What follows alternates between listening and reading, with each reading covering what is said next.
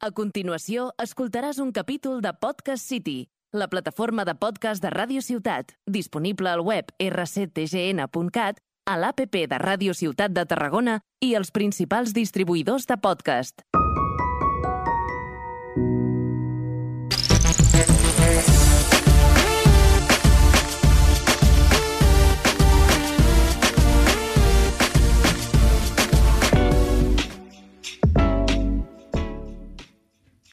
Benvinguts a la segona edició del podcast Converses amb Jove Cambra. Soc Paula Sánchez, vicepresidenta de la JCI Tarragona i en aquest nou episodi parlarem sobre emprenedoria, però amb consciència, amb la col·laboració de Rocío García, propietària del restaurant vegà Crea, a Tarragona i, com no, de la nostra júnior i bon sentís. Bona tarda, Paula. Comencem fortes. Com bé deies, avui tractarem l'emprenedoria des d'un punt més conscient amb el medi ambient. Tot i que avui dia aquests tipus de restaurants són cada vegada més visibles, encara existeix cert rebuig. Així és. Segons les dates de l'Organització de les Nacions Unides per l'Alimentació i l'Agricultura el 2021, Espanya és el segon país d'Europa en consumir més carn.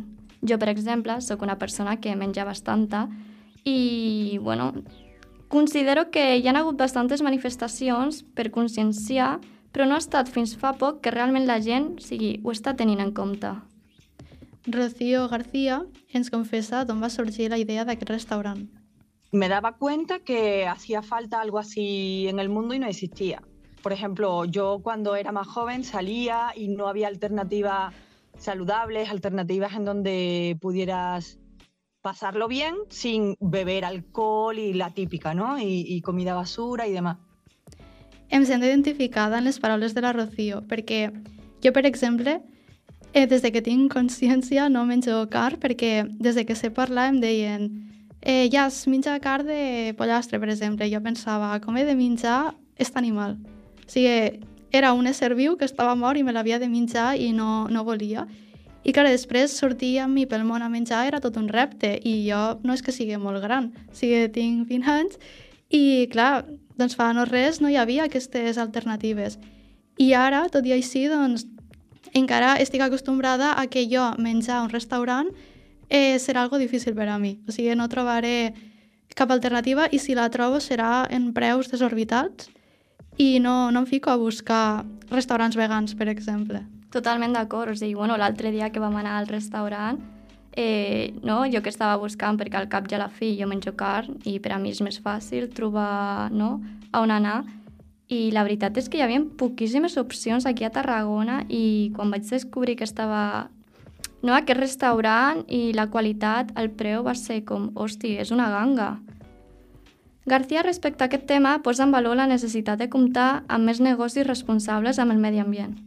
Eh, yo creo que necesitamos negocios más responsables, donde piensen en, en qué producto están vendiendo y qué consecuencias eh, tiene la venta de ese producto, tanto medioambiental como en la salud, Per això és tan important saber d'on ve un producte i plantejar-nos fins a quin punt val la pena estar consumint un producte de mala qualitat per un preu menor.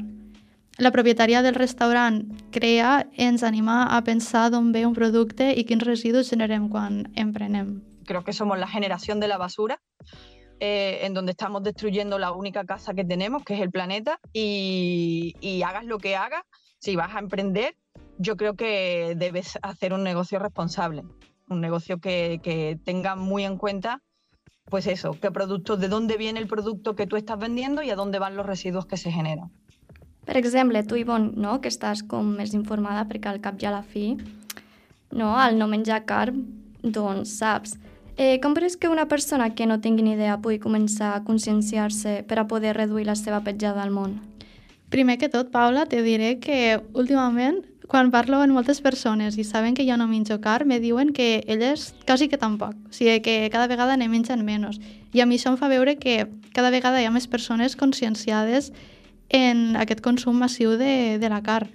O sigui, jo no sóc una persona que estigui en contra ni molt menys de que es mengi carn, o sigui, cadascú pot menjar el que vulgui, però al final, o sigui, aquest consum tan excessiu sobra. O sigui, jo almenys el que penso és que són éssers vius i que naixen en un lloc tancat i o sigui, naixen i els maten. I jo penso, si jo hagués nascut un animal i em fessin el mateix, O sigui, no, no em semblaria bé. Jo, mira, t'haig de dir, per exemple, no? per ficar aquí una mica de debat, eh, jo, per exemple, conill jo no menjo perquè em fa pena i bueno, a casa meva he tingut, no? Però el porc, la vaca, en canvi sí, no? I crec que també s'hauria de pensar perquè hi ha animals que creiem que, bueno, no? es mereixen aquest tracte no? d'alguna manera i hi ha altres que no. Tu què en penses? Ja sí, eh, a veure, jo el que crec és això, no? que cadascú al final eh, mengi el que vulgui, però també que sigui conscient. Per exemple, si hi haguessin aquestes granges de més proximitat i el consum de la carn no fos tan diari ni tan massiu, doncs, bueno, doncs bé, però en, eh, o sigui, recollint la pregunta que m'ha fet abans de què dir a la gent per a conscienciar-se i reduir la seva petjada, jo moltes vegades el que dic és que si mengen tanta carn acabaran tenint eh, enfermetats, riscos, com per exemple la gota. No, que no, sí, és, sí. això està demostrat i a part que sempre començo a explicar de dir, bé, és que no només la carn, sí que és cert que aporta segons quins aminoàcids que només la té la carn, però al final hi ha altres productes alternatives i sobretot avui en dia amb l'evolució de la enginyeria alimentària que es poden introduir aquests additius a, als aliments i per exemple, la llet de soja, no? que ara doncs, porta calci i porta més calci que la llet, que jo tampoc bec llet ara, i, i també té la vitamina B12, que la porta la carn, els ous, eh, també la vitamina A, la D, la B2, etc. Sí, sí, bueno, jo fa poc vaig veure, bueno, fa poc, potser un any o així, vaig veure que hi havia com un estudi, no?, que deia que l'ésser humà quan la seva etapa no, adulta, realment la llet no la necessita, sinó tot el contrari, que et senta malament. No? I després també s'hauria de saber la gent d'on prové la carn, no? com els tocinos, per exemple, al pienso no? que mengen, eh, se'ls introdueix no? com químics i tal per engordar-los encara més aviat i així poder-los matar i d'aquesta manera tindre un major consum no? I és com, no? Fins a quin punt valdria la pena tot això només per a consumir carn? Sí, o sigui, maten a més les cries per a que el, els, els animals adults o sigui, consum, seguissin produint.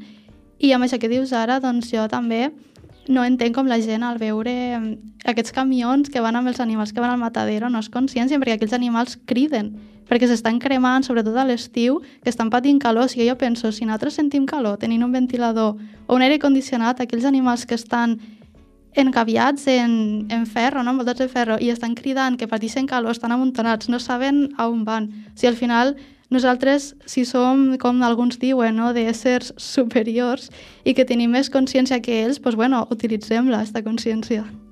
No, sí, jo crec que aquí hi ha un problema, no?, el tema de l'ésser humà no? que tot lo demés són inferiors.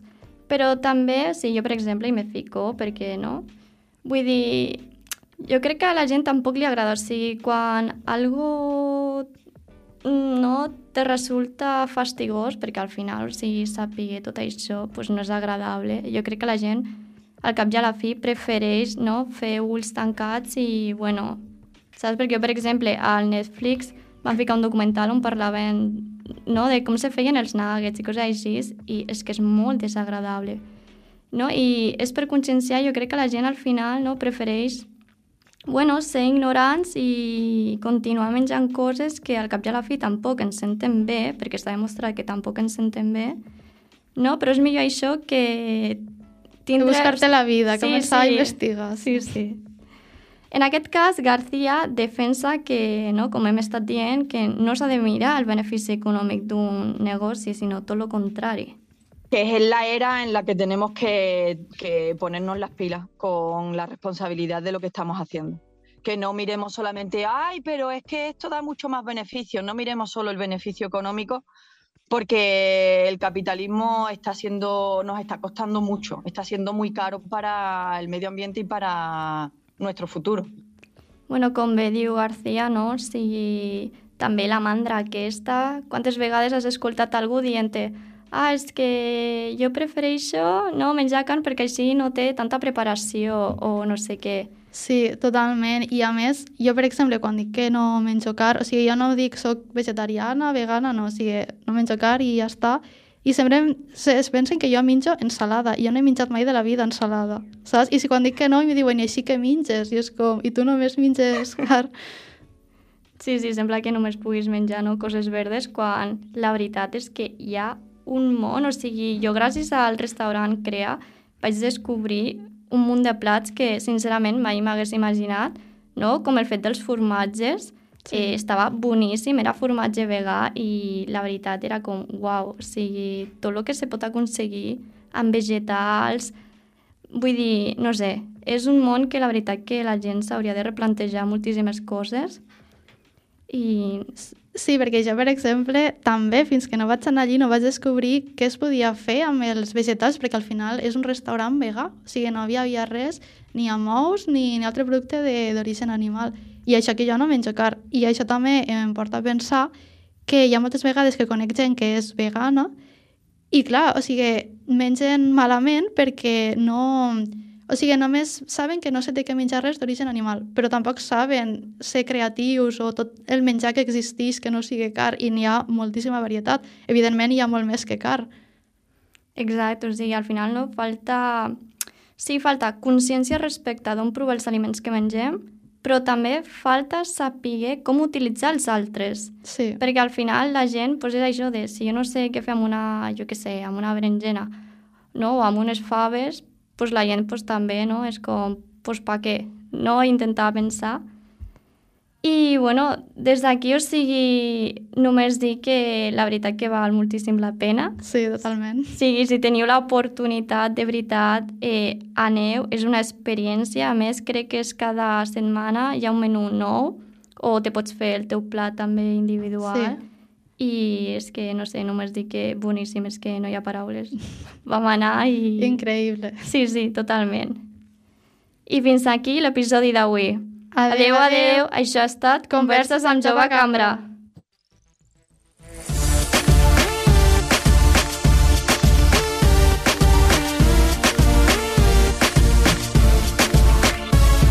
Has escoltat un capítol de Podcast City, la plataforma de podcast de Ràdio Ciutat, disponible al web rctgn.cat, a l'APP de Ràdio Ciutat de Tarragona i els principals distribuïdors de podcast.